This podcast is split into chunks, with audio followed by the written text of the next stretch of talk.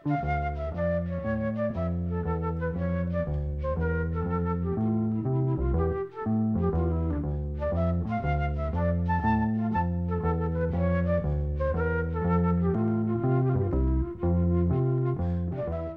sæl.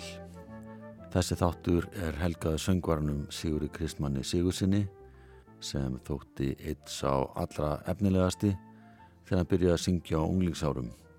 Hann fættist árið 1955 en andaði snemma ás 2017 rétt liðlega 60 aðaldri.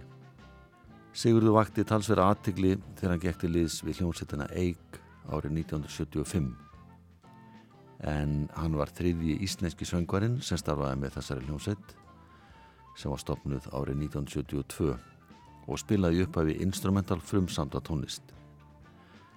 Fyrstu söngvarar eikar voru tveir bandaríkjaman sem sungu með sveitin í stuttan tíma árið 1973 áður en þeim var vísa á landi þar sem þeir voru ekki með atvinnulefi. Eik lagði áherslu á fengaða rocktónlist þar sem að fjölbreytt rinjandi var höfð í hávegum Sigurður gekk í eig þegar Herbert Guðmundsson hætti. Það var frekar óvænt en Herberti var búinn staða í Pelikan. Búið var að ganga frá samningi við Demant um útgáfu lítildablötu þegar Herbert hætti þannig að það þurfti smá tíma til þess að þjálfa Sigurð inn í hljómsettina. En platan kom út, lægið á aðlið er eftir gítarleikaran Þorstein Magnusson og bassaleikaran Harald Þorsteinsson, það heitir Hotel Garbage Can.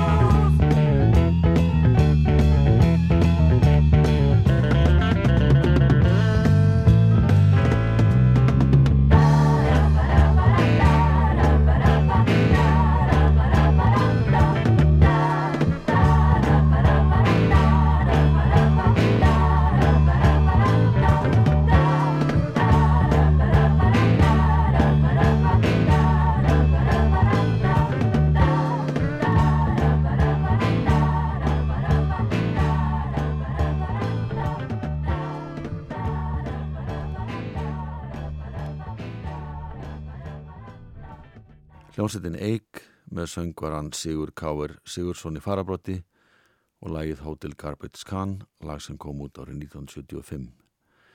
Bakrætti sungu Helga Steinsson, Janis Karol og Bergmund Bjarnadóttir.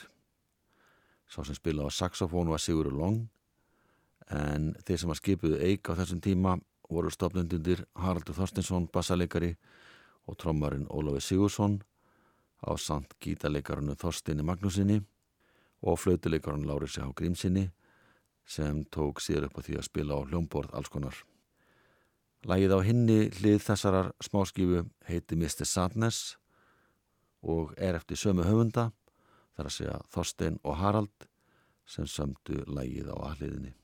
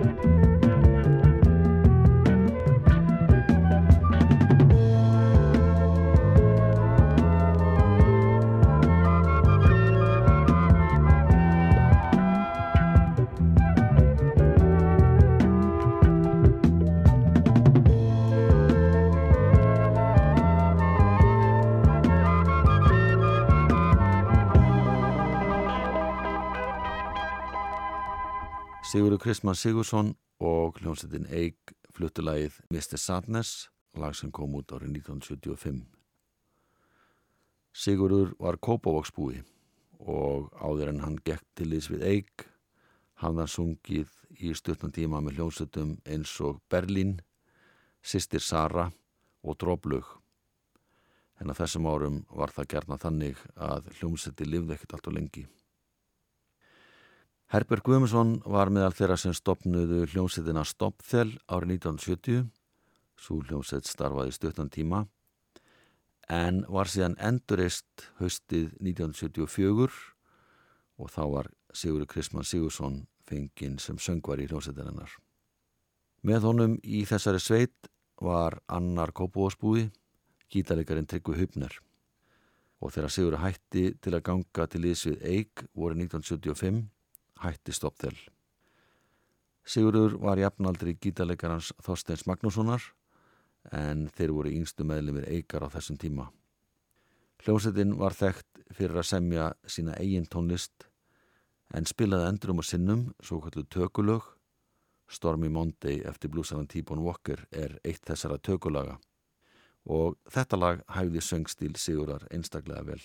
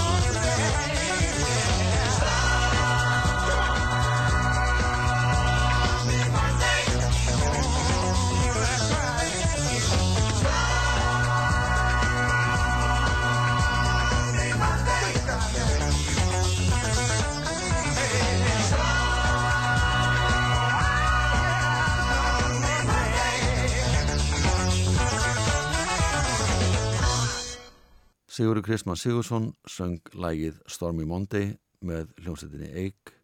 Þetta er upphafslag Plötuna Speglun sem innihjælt fjögur sungin og eitt stutt spilalag á allið.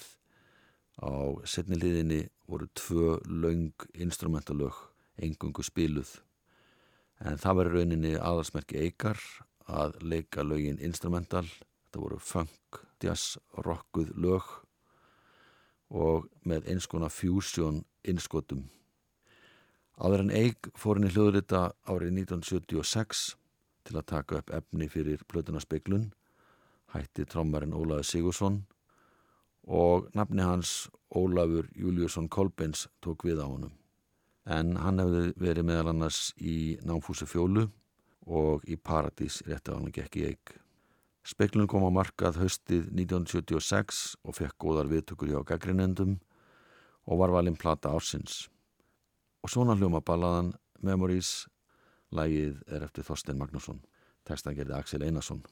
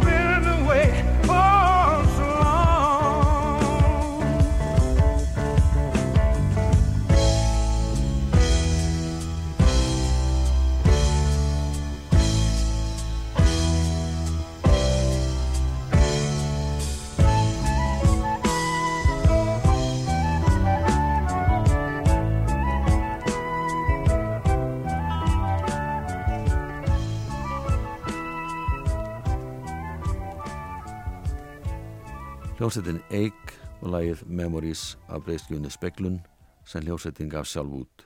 Tekstinn er eftir umbósmann Eikar á þessum tíma, gítaleikaran Axel Einarsson sem hafði verið í tilveru og æskross. Hún gekk illa að bóka hljómsettina vegna þess að Eikarmenn voru þekkti fyrir það að fara sinnar eigin leiðir, þeir spiluð ekki vinsaldalögin sem að fólki vildi heyra böllum, heldur sín eigin lög Eik spilaði gjarnan í tjarnabúð í Reykjavík á þessum tíma helt eins konar tónleika þar sem fólk var ekkit endilega að dansa. En þess áttar þýtti ekki annar staðar. Sveitaböllin voru allsráðandi og þar var mikilvægt að bjóða upp á dansvænt prógram.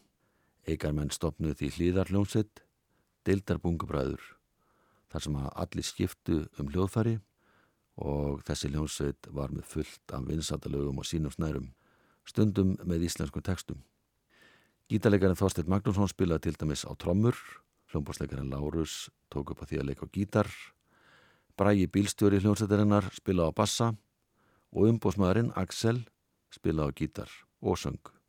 Þessi hljómsætt var að vinsal á sveitaböllum og svo fekk Eik að fljóta með og spilaði sína fengtónlist.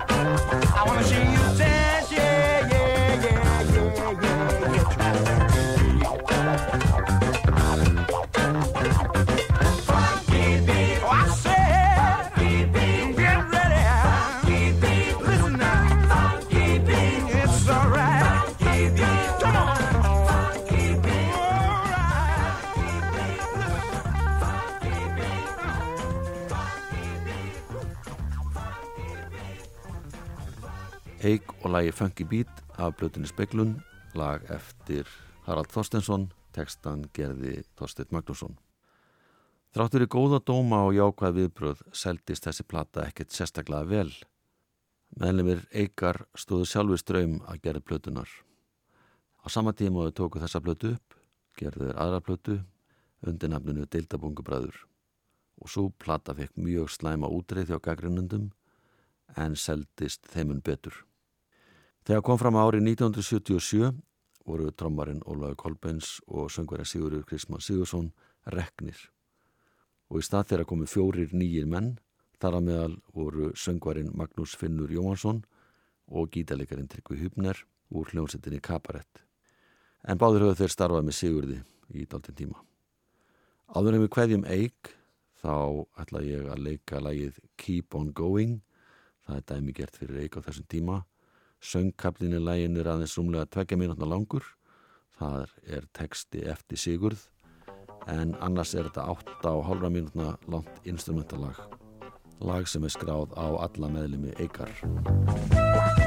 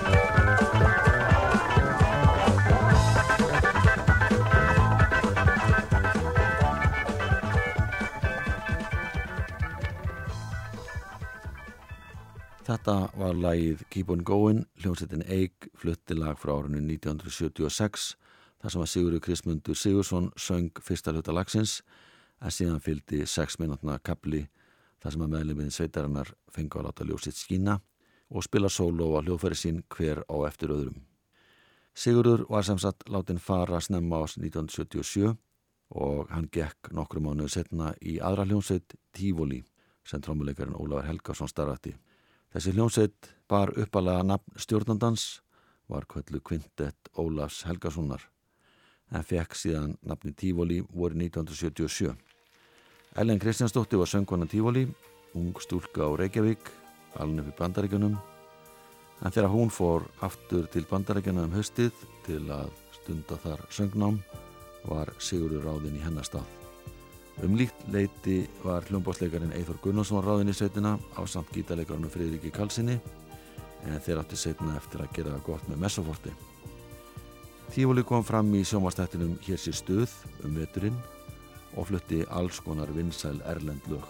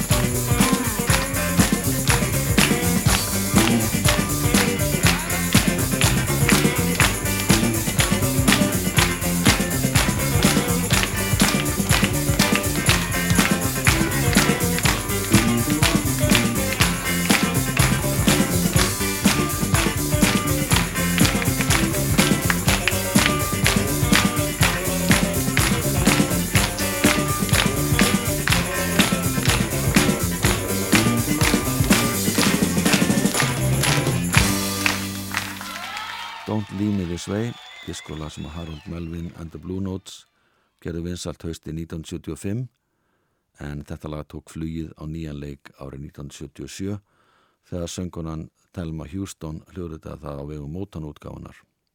Þetta var eitt er að laga sem hljóðsettin Tífóli flutti í sjónvastættinum Hessi Stuð sem var sindur árið 1978. Sá sem spilar á bassa er Páll Blöndal Sigurbjörnsson, hann syngur líka bakrödd, gítarleikarar eru Ragnar Sigursson og Fridrik Karlsson og Fridrik syngur bakrödd á samt Páli. Eithó Gunnarsson leikar á hljómborð og trommuleikari er hljómsættarstjóni sjálfur Ólafur Helgason og svona hljómar lægið Josie, stílitanlag í tulkun Tífóli.